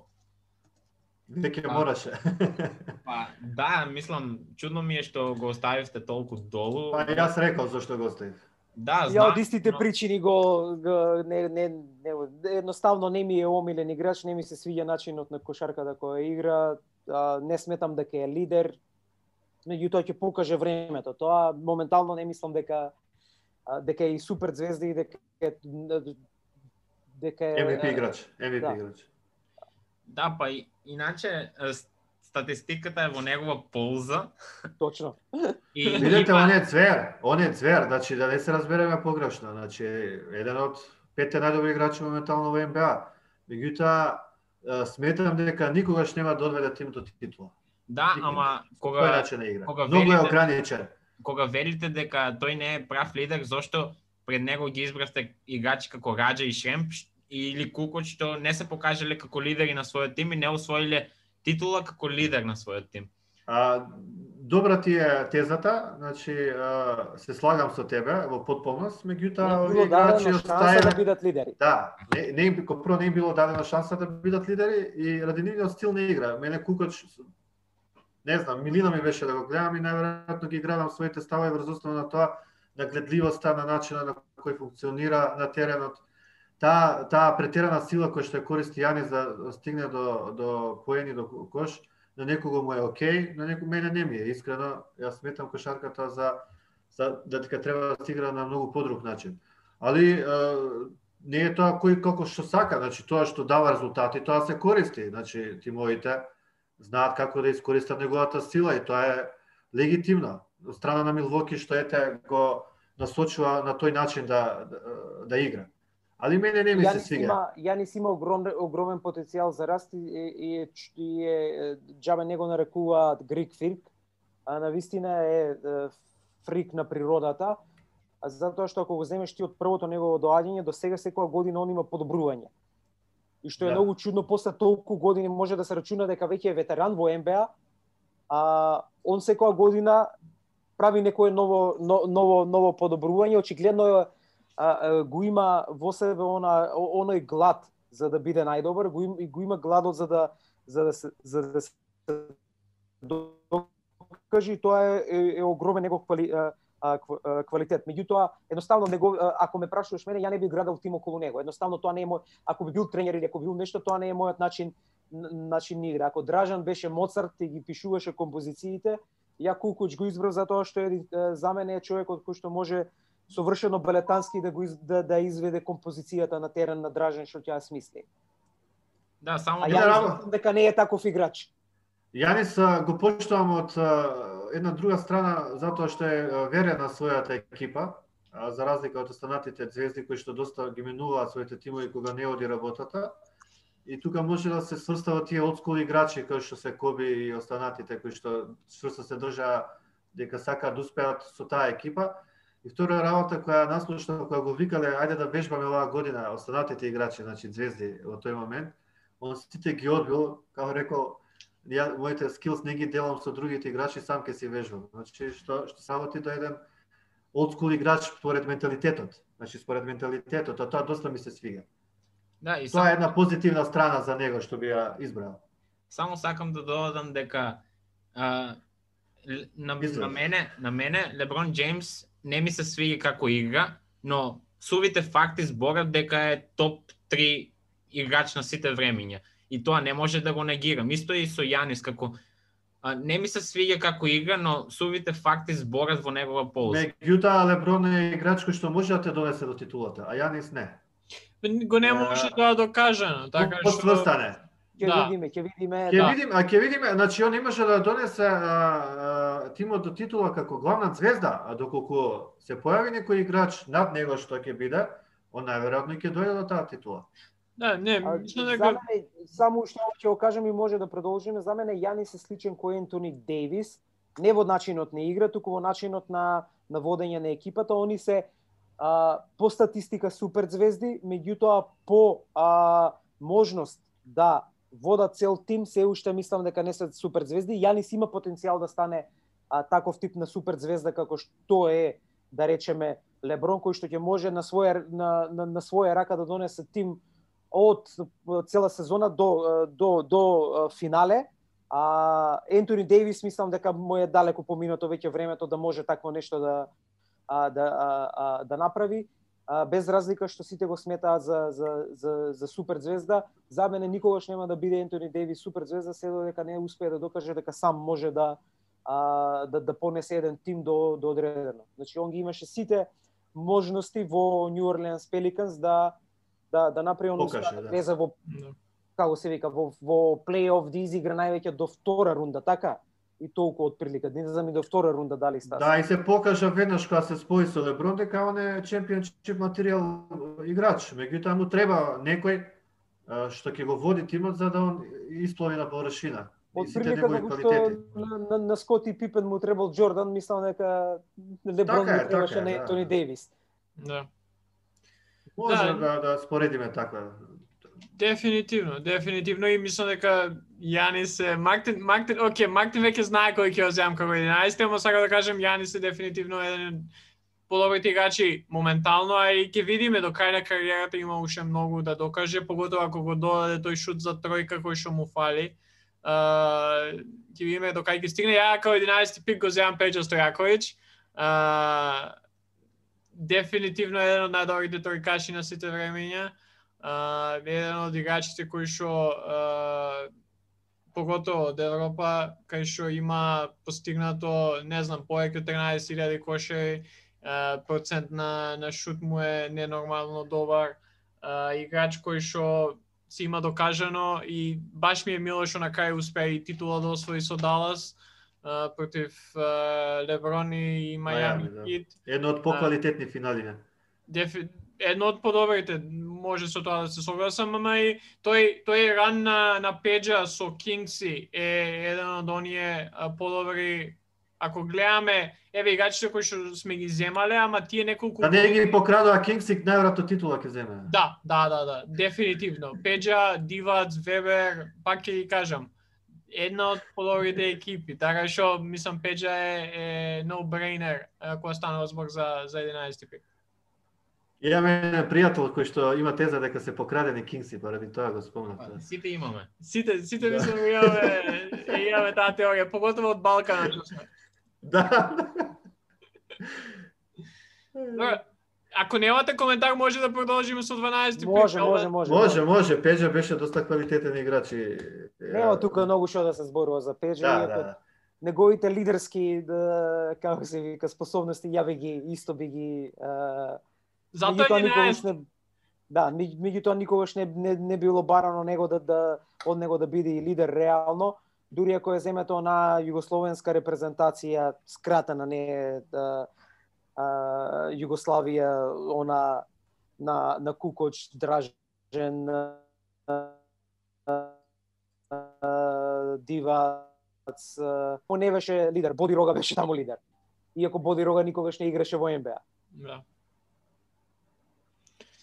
Да. Повели Джиги. Вака, а 12, видете, веќе мора да, да се вратаме во нашата ера, бидејќи ќе пропуштиме еден играч кој што најверојатно според мене историјата ќе покаже дека треба да биде први тука, али бидејќи е уште млад и ете, да, да, да, да кажеме дека малце сезони имат зад него, иако тука ставихме доста играчи кои што имаат малце сезони. Секако знаете за кој се работи, за Лука, Лука Дончич, феноменот на на денешната НБА, еден од омилените ликови во НБА, на скоро сите играчи. А, се работи за а не можам да го срстам нити во плеймейкер, нити во двојка, буквално игра се, има огромно тело кој што му помага во одредени ситуации да се снајде и да да кошеви подалеку од тројката, значи нити е класичен тројкаш, нити е човек кој што буши, значи ги има апсолутно сите сите компоненти на кошакарската игра кој што е потребно за еден играч да успее, не само да успее, туку да биде супер звезда. А, малце касно го бираме, али тоа ќе го направиме ради неговите години. Ете, нека биде тоа оправдување и кој би бил избран на 13-та позиција, 12-та, па на крај ете. Иако он веќе ги покажува уште кога играше во Европа, значи беше MVP на Евролига. Јас како еден од делегатите на Евролига во тоа време имав можност да го гледам доста. Значи уште кога имаше 17 години, па и 16, 18, он веќе беше а, предодреден да биде ултра мега звезда. Не, не само овако играч, иако доста луѓе се сомневаа во него. Меѓу тие бевме ја и мите одреден период, не верувавме дека до толку може да Ја не верував дека има НБА потенцијал. искрено. потенцијал, меѓутоа се покажа дека не само што има потенцијал, туку се работи за играч кој што е а, кој што може да води екипа. Нели објаснувавме дека Јанис не е таков играч или останатива. Меѓутоа Лука со еден па не би го нарекол обичаен беа тим, тоа е катастрофален тим. Кој друг играч таму освен Порцингас кој што е подлежа на повреди доста и еден од предавниците на Никси, кој што го мразиме од дното на душата. се шалам. А, кој друг играч може да се истакне да му подпомогне на Лука? Значи, тоа се се играчи кои што се рол плеерс и меѓутоа и они со тие играчи успева да, да го направи Далас доста конкурентен. Ја има пред се интелигенцијата, кошаркарската интелигенција која што е доста потребна да се снајде, бидејќи он е многу брз. Има не е ниту ниту а, некој развиен атлета, значи буквално може да се види дека е така буцко, али ја, ја го користи своето тело, работата со нозете му е перфектна. А, тоа е сув талент. Значи, Дончич е сув талент, уште од мали нозе, значи бил таков.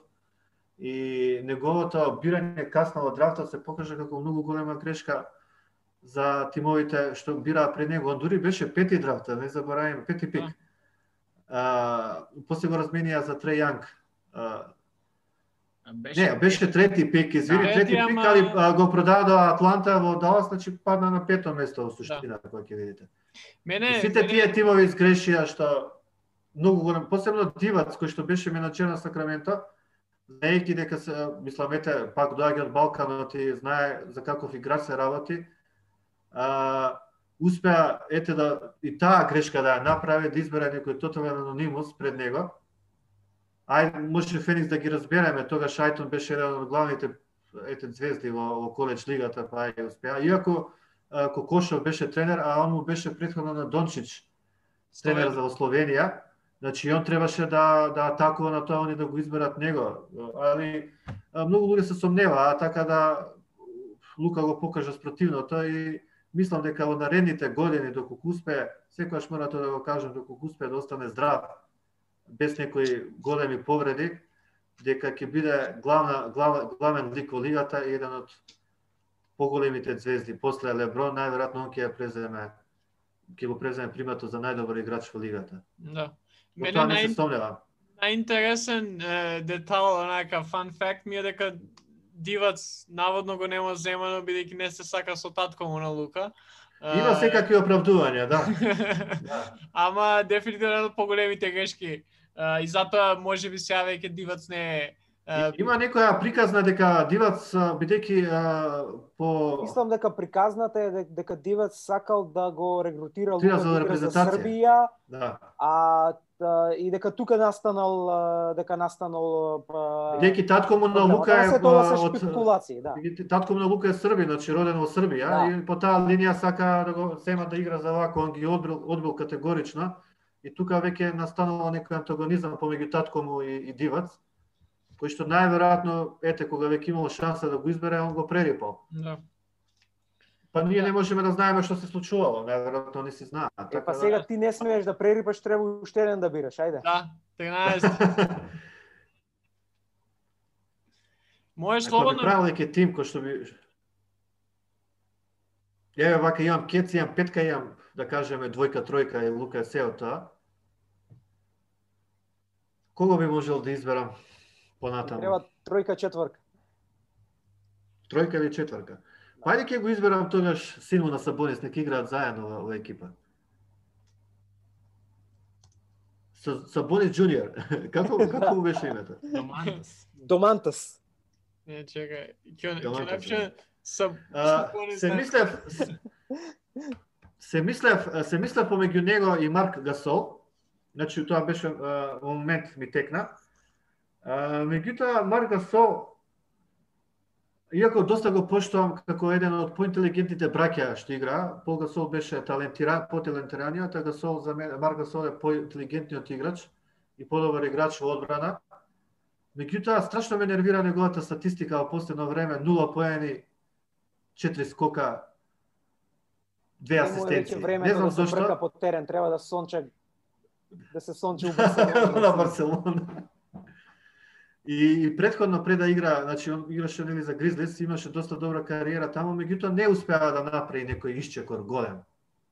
Не знам дали дали беше беше едно две години плейоф екипа а, Мемфис, Да, меѓутоа има. останатото Да. останатото време горе доле не успеа некој голем голем исчекор да направи со нив, така да ќе го изберам со Бонис, бидејќи ми е доста доста таков привачен играч, борец, страшен скокач, добар пик н рол играч.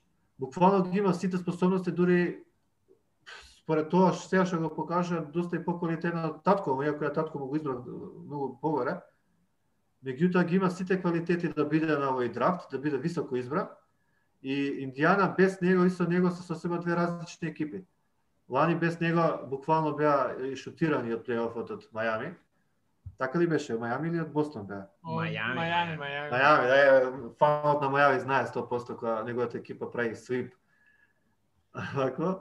И ќе видите доколку биде здрав оваа година, доколку остане ете во форма, Индијана со него и со тие останатите играчи ворен доколку се доколку се оздрави, дека Индијана ќе од екипите што што може да изненадат. Значи доста ми се свига ка, ка, ка, како делува на терен. А, неговите најголеми квалитети се што е еден од поквалитетните четворки класични што што кажавме преска дека ги сакаме, а, а малце се сеа во НБА. И, и добро функционира и во одбрана, пик and ролот му е перфектен, значи се движи ненормално добро, кој ќе го направи пикот, веќе знае точно кај да ги имам гледано Индијана доста и Сабонис ми еден од помилените играчи. Да, па да додадам дека ова сезона ја почна многу добро и, и беше играч на неделата избран од NBA, првата недела од NBA. И Мислам дека Така е, така е. И поготово кога збориме за него, мислам дека е еден од оние нај најподценети играчи а, во лигата кај што не се збори доста за него, као не е некој не игра у, у, у екипа која што е као голем маркет и затоа му е малце, знаеш, луѓе може и не знаат и за него поеке. а, ја, јас мислам дека он не е поценет колку што се уште нема доволно а, NBA плейоф позади него, бидејќи тоа што ствари се се а, фановите се сконцентрираат кој е добар, кој е кој е квалитетен. А, Ете, прошлата година беше повреден, па не можевме да го видиме. Кога ќе има позади себе доволно плейоф утакмици, тогаш ние ќе дознаеме од каков материјал е направено. Да, па да. и фановите гледаат само плейоф, па Да, да. затоа не Да. доаѓа до израз. Добро, ја ја како 14-ти, а, јас сакам да направам исто екипа добра, ама не можеме да не оземам Никола Јокич како како 14-ти пик. А, мислам дека Го подзаборавивме скроз. Да, мислам дека ај ќе пишам Јокич. А, мислам дека како што кажа Преска е прототип некој вид на играч на дивац, ама подобар. Моментално а, гледаме Докажа, докажа на звезда, да. Да, у статистика има трипл дабл, буквално еден од најдобрите додавачи у лигата, иако е центар. И почетокот на сезоната, ако продолжи вака, Денвер некако влезат у плейоф и се не, не, и има добра на крај завршница, може и слободно MVP да земе годинава, ама и до сега што има направено. Мене Јокич ми е еден од онака најчудната чуден кариерски пат има, кај што почна да игра, почнува да игра кошака на колку 14-15 години, тоа е, има среќа да да доминира и да биде препознат од нели агентот Мишко Ражнатович, мега неколку сезони го го спремат и иде директно у НБА, каде што нели за поголем дел од играчите кои што иделе од Европа у НБА имале некаква кариера у, у Европа, ги имаме нели и Кукоч и Дивац и Дражен и и Раджа и па и Лука а, на крај крајава. Додека Јокич има неколку сезони у мега у мега визура тоаш, аба лига нема некој претерано искуство и после прави бум у, у лигата кај што е безсомнено а, најдобар центар моментално. Така што Јокич 14 пик мислам дека мислам дека добар избор. Да, па ја води моментално лигата во асистенции со 12,8 и тука може да се види неговата способност во додавањето и плюс има многу голема интелигенција и многу ми се допаѓа како игра. Мислам дека тој со Бем Несомнено Јокич требаше да биде подоле, подоле на драфтот, ама ето и тука добар е.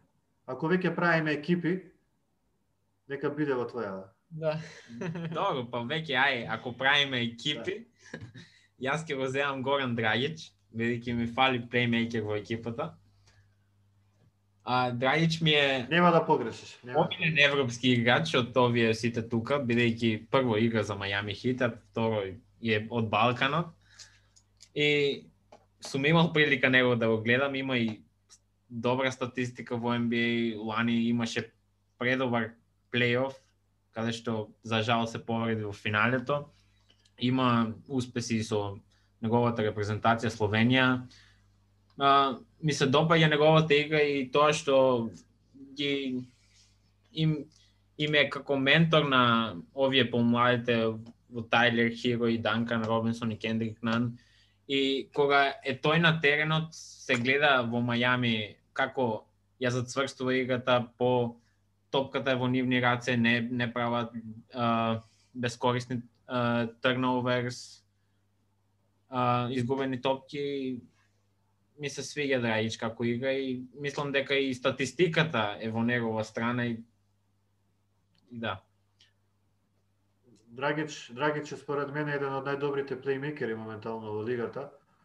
Кога кога не е повреден, значи екипата е на сосема подруго ниво од кога е он надвор. Неверојатно има способност а, со левата рака да направи завршница, што е еден од неговите нај, најјаки страни. А, не можеш да го оставиш на тројка, бидејќи веднаш ќе ќе ја погоди, доколку му се приближиш доста знае да буши неверојатно со неговата способност за дриблинг со двете раце, значи мора да се напомне дека левата рака му е појака. Да. И тука е неговата предност, бидејќи не знаеш кај да го браниш. Доколку е затворен, веднаш е подава топката надвор и неверојатно користен играч. Добар избор. Да, мите сега си сега си Не. ти на Кога видов дека не го бирате порано, викам дај да го оставам малку, знам дека нема да го бирате. Мене, мене не ми текна на Јокич и Драгич, така да на кој не му текнало, нека си лапа, тоа е. Некако нас умот ни е повеќе во 90-тите отколку Така во, да. во сегашните, иако да бидам искрен, реално не ми текна на Драгич, може би може би ќе го изберев и јас таму некаде на како мој та, овој мој трет пик, а уствари како ќе му дојде осми пик таму некој јас што, што го Да. девети уствари пик што го што го избрав ког на местото на Дино Раджа. А меѓутоа веќе кога правиме тимови нели, ќе мора да јас да бирам сега некој кој што би се одзвестувал, значи го имам Кукоч кој може да игра од кец до четворка, го имам Шренф кој што е двојка и тројка, го имам Дино Раджа кој што е четворка, значи ми фали класичен кец и ми фали една петка би рекол во тимот. И ако стоја така работите, јас веќе се одлучив кој ќе го изберам, како а, а, како кец ми е полесна работата и ќе го изберам оној што играч кој што го спомна а, Джиги Марчулјонис. А, Шарунес Марчулјонис, а, а, еден исклучителен а, бек, а, невероват, неверојатен Мачул. европски играч, а, литванец кој што играше а, кој што играше за Советски сојуз. 89-та оди во Golden State Warriors. А, и е човекот поради кој а, на кој што може да му се да, да се каже дека го донесол Eurostep во во во во НБА а, во НБА лигата. А, а, одличен а, тројкаш на кој што му требаше време да се прилагоди малце на тројката за пошто тројката во во Европа и тројката во НБА беа и се уште се различни ако ако ако добро се сеќам. Меѓутоа во тој период беше беше сериозно прилагодувањето на на на тројката кон во во НБА и тројката во особено за играчите од од Европа, меѓутоа за брзо време тој тоа го направи. А, 12 поени, не, нешто над 12 поени по надпревар има. А, нема нема а, голема НБА кариера, меѓутоа пак неговото значење и со тие 12 поени што ги има а, што ги има тие 12 поени а, во тоа време се мислам дека дов, доволно зборува за неговиот квалитет и за за мојот за мојот избор. А, а, да продолжам директно на петка, Може. а, па после може би да кажете доколку се сложуваат, мислам дополнително да дадете, иако веќе и премногу мислам дека а, зборуваме, што може да може малку да убрзаме. А, а по, за петка имам а, и, и, а, реално една една поделба, дали да го изберам Рик Смис а, од Индијана Пейсерс а, или Пол овој Марк Гасол и би одел со Марк Гасол а, во оваа ситуација. Мислам дека немам што многу да зборувам за Марк Гасол, Джиги го покри во својот дел кога а, кога го, го бираше Сабонис Сабонис. А, значи еден од најдобрите најдобрите играчи кои што доаѓаат од од од Европа во НБА, еден од подобрите центри во во посовремената НБА историја. А, би го цитирал тука можеби Джеф Ван Ганди, а, кој што во еден а, во еден надпревар плейоф надпревар мислам дека беше а, ја- го кажа следново, а тој што ги има научено браќата Гасол да подаваат треба веднаш да му се даде место во Hall of Famer. А, така што а, не- неговиот осет за игра и неговата интелигенција што што што е спомна што ја спомна Джиги и, него, и неговата посветеност пред се во одбрана за разлика од неговиот брат Гасол кој што не не, не не сака баш да игра одбрана е причината кој што го бирам како последен играч да ми го заклучи тимот а, тука. Да, па може да видиме дека одбраната му е подобра страна, мислам. И во напад е исто така добар, но Ова е класичен мите тим, е. има освоено а, дефанзивен играч на годината во НБА во 2013 и мислам дека тоа е доказ за неговата одбрана само по себе. Добро, Мартин, можеш ти да го завршиш твојот тим сега? Ајде, а, кога веќе правиме тимови да земам некој м, понизок играч, а тоа ќе биде Кириленко. А, Кириленко беше исто во моите мисли, ама го го изоставив затоа што веќе имам квалитетна тројка. Јас Кириленко го памнам како играч кој го мразам бидејќи ни даде тројка на нас во последните секунди кога игравме за трето место. И како таков ми остана во сеќавање, но кога подоцна ја разгледав неговата кариера и во NBA и во Европа, видов дека се работи за доста о, мислам солиден играч и, и добро се снашал во NBA и игра Јас би рекол дека е ри- прилично подценет НБА играч Кириленко. Да, има играно со Бузар и Вилиамс во, она, во оној тим на Јута Джез. И како што видов, има играно на All Star и бил а, во All Defensive Team во прв тим и два пати во All Defensive Second Team. Значи, него, неговото форте е дефанзивата. И мислам, па сметам дека заслужува да биде во ова лист на топ 20 играчи. Да, ја би се.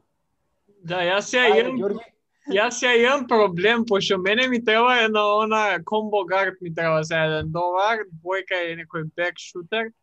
Бен Гордон би ти го предложил. Да, јас сум или јас сум као или Бен Гордон или Хидо Туркоглу.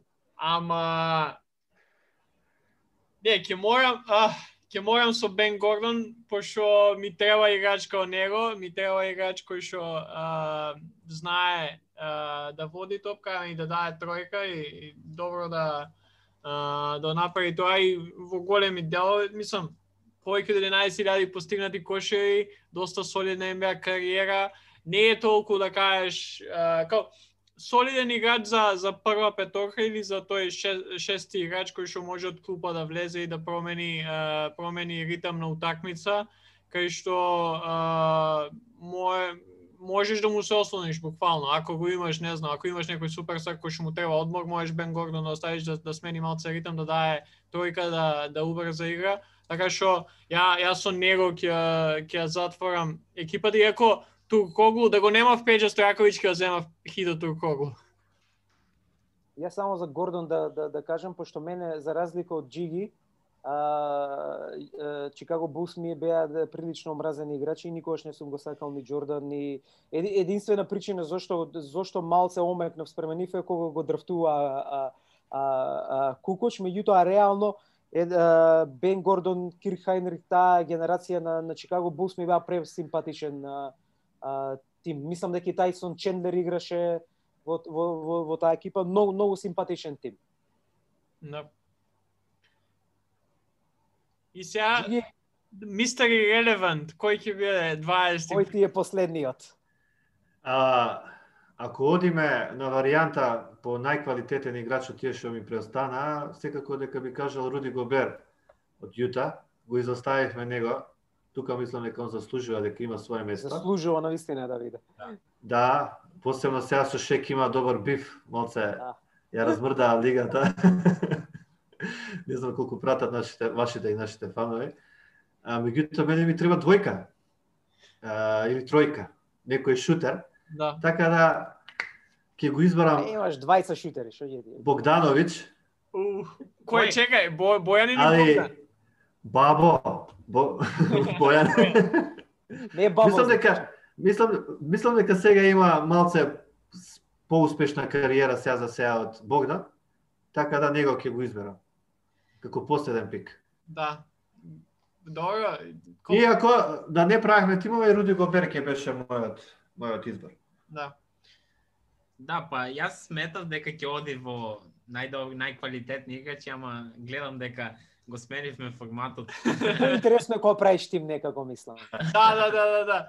А, кога ќе го видиш ваква драфтот, не може да не кажеш дека ете Лука треба меѓу првите да биде Јанис, ама некако тргнавме според начинот на кој Мите ни каже дека милените играчи ќе ги бираме пред се. Не, не ќе да бидеме мейнстрим фанови, тоа што ни се сервира само тоа да го да го да го сакаме. Сите овие играчи што јас ги наведов, барем за мене имаат некоја така убавина во играта, драж во убавината. Исто како што ги гледам играчите на Мите, баш негов стил е ова. Ја ја тука само би додал дека може би Марчулионис младата публика воопшто не ни знае кој е, никој, меѓутоа тој беше магионичар на теренот. А, а, а бидејќи нормално сум ми за Југославија а, како дете, а Марчулионис ми беше еден од омразените а, и, играчи, затоа што беше човекот што, што ни беше противник и создаваше огромни огромни а, а, огромни Проблеми, да. проблеми. А, и како се вика и во Советски сојуз и а, а, и како и како литванец, меѓутоа беше на вистина исклучителен исклучителен играч. А, а играч кој што може би се раѓа еднаш на 100 години, магионичар на теренот на вистина.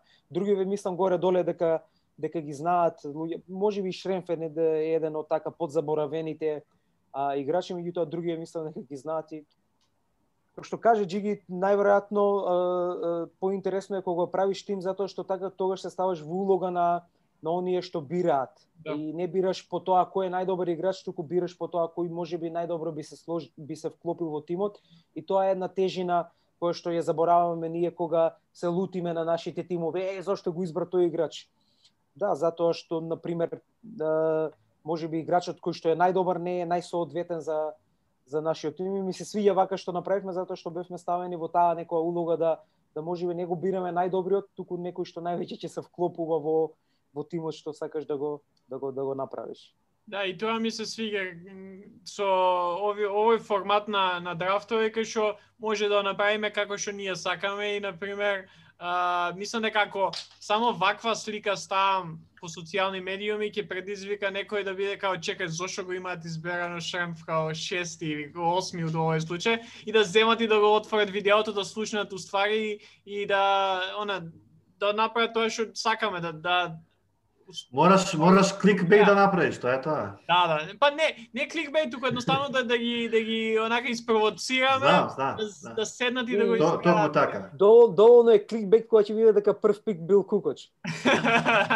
да, да, да, дефинитивно, ама Ај, чисто да, да поминеме само низ тимовите, Мите ги има Кукоч, Шремф, Дино Раджа, Марчилионис и Марк Гасол, Мартин има Дирк, Пау Гасол, Јанис Драгич и Кириленко, а, ја, Дивац, Паркер, Пеđа Стојаковиќ, Јокич и Бен Гордон и Елдан Дражен, Сабонис, Лука, Сидмус на Сабонис и Бојан Богдановиќ. А, фала ви стварно на, на гостувањето. Доста Фала на поканата. а, уживав ја, се надам тие што издржале да не да не изслушаат до крај, а, исто ќе уживаат. Дефинитивно уж, пак пак ќе викаме за некои други а, теми и се надеваме дека еве и следен пат па и кај вас уживо да да направиме нешто бидејќи сега го а, Секако, уживаме секако. многу подобро. Имате отворена покана да се средат состојбите и ќе почнеме да снимаме, па ќе ве вклучиме во една од емисиите. Да. Фала ви, дечки, Задоволство. беше, беше интересно да се разговара со, со друга перспектива на гледање на, на кошарката. Тоа што ние сме заљубеници во, во одредена ера не значи дека сме во право, за тоа што го зборуваме. А, меѓутоа е баш интересно да се видат одака да, други перспективи Тоа што кажа ти две-три години си бил кога а, кога Дивац, кога за Дивац беше така, кога Да, Дивац да, да. отишол во, во НБА, па после Сакраменто ти станал омилен омилен омилен тим баш поради поради тој балкански шмек што го имаше таа таа екипа. Да бидам искрен, јас за Сакраменто најавав поради Крис Вебер. Повторно четворка, нормално кажав дека четворките ми се слаба а, а, слаба а, точка. Не бев поради Пеже Стојаковиќ и, и Дивац, меѓутоа беше тоа беше одличен тим и се надевам се гледаме во живо наскоро. Да, е, исто и јас, а тие што не слушаат, секако да може да не слушаат на аудио, на, на Spotify, Google Podcast, секаде кај што има освен Apple, уште чекаме да не прифатат, ама а, епизодите идат и на YouTube, така што може и со видео да, да ги гледате таму. Па се слушаме со нова епизода во понеделник.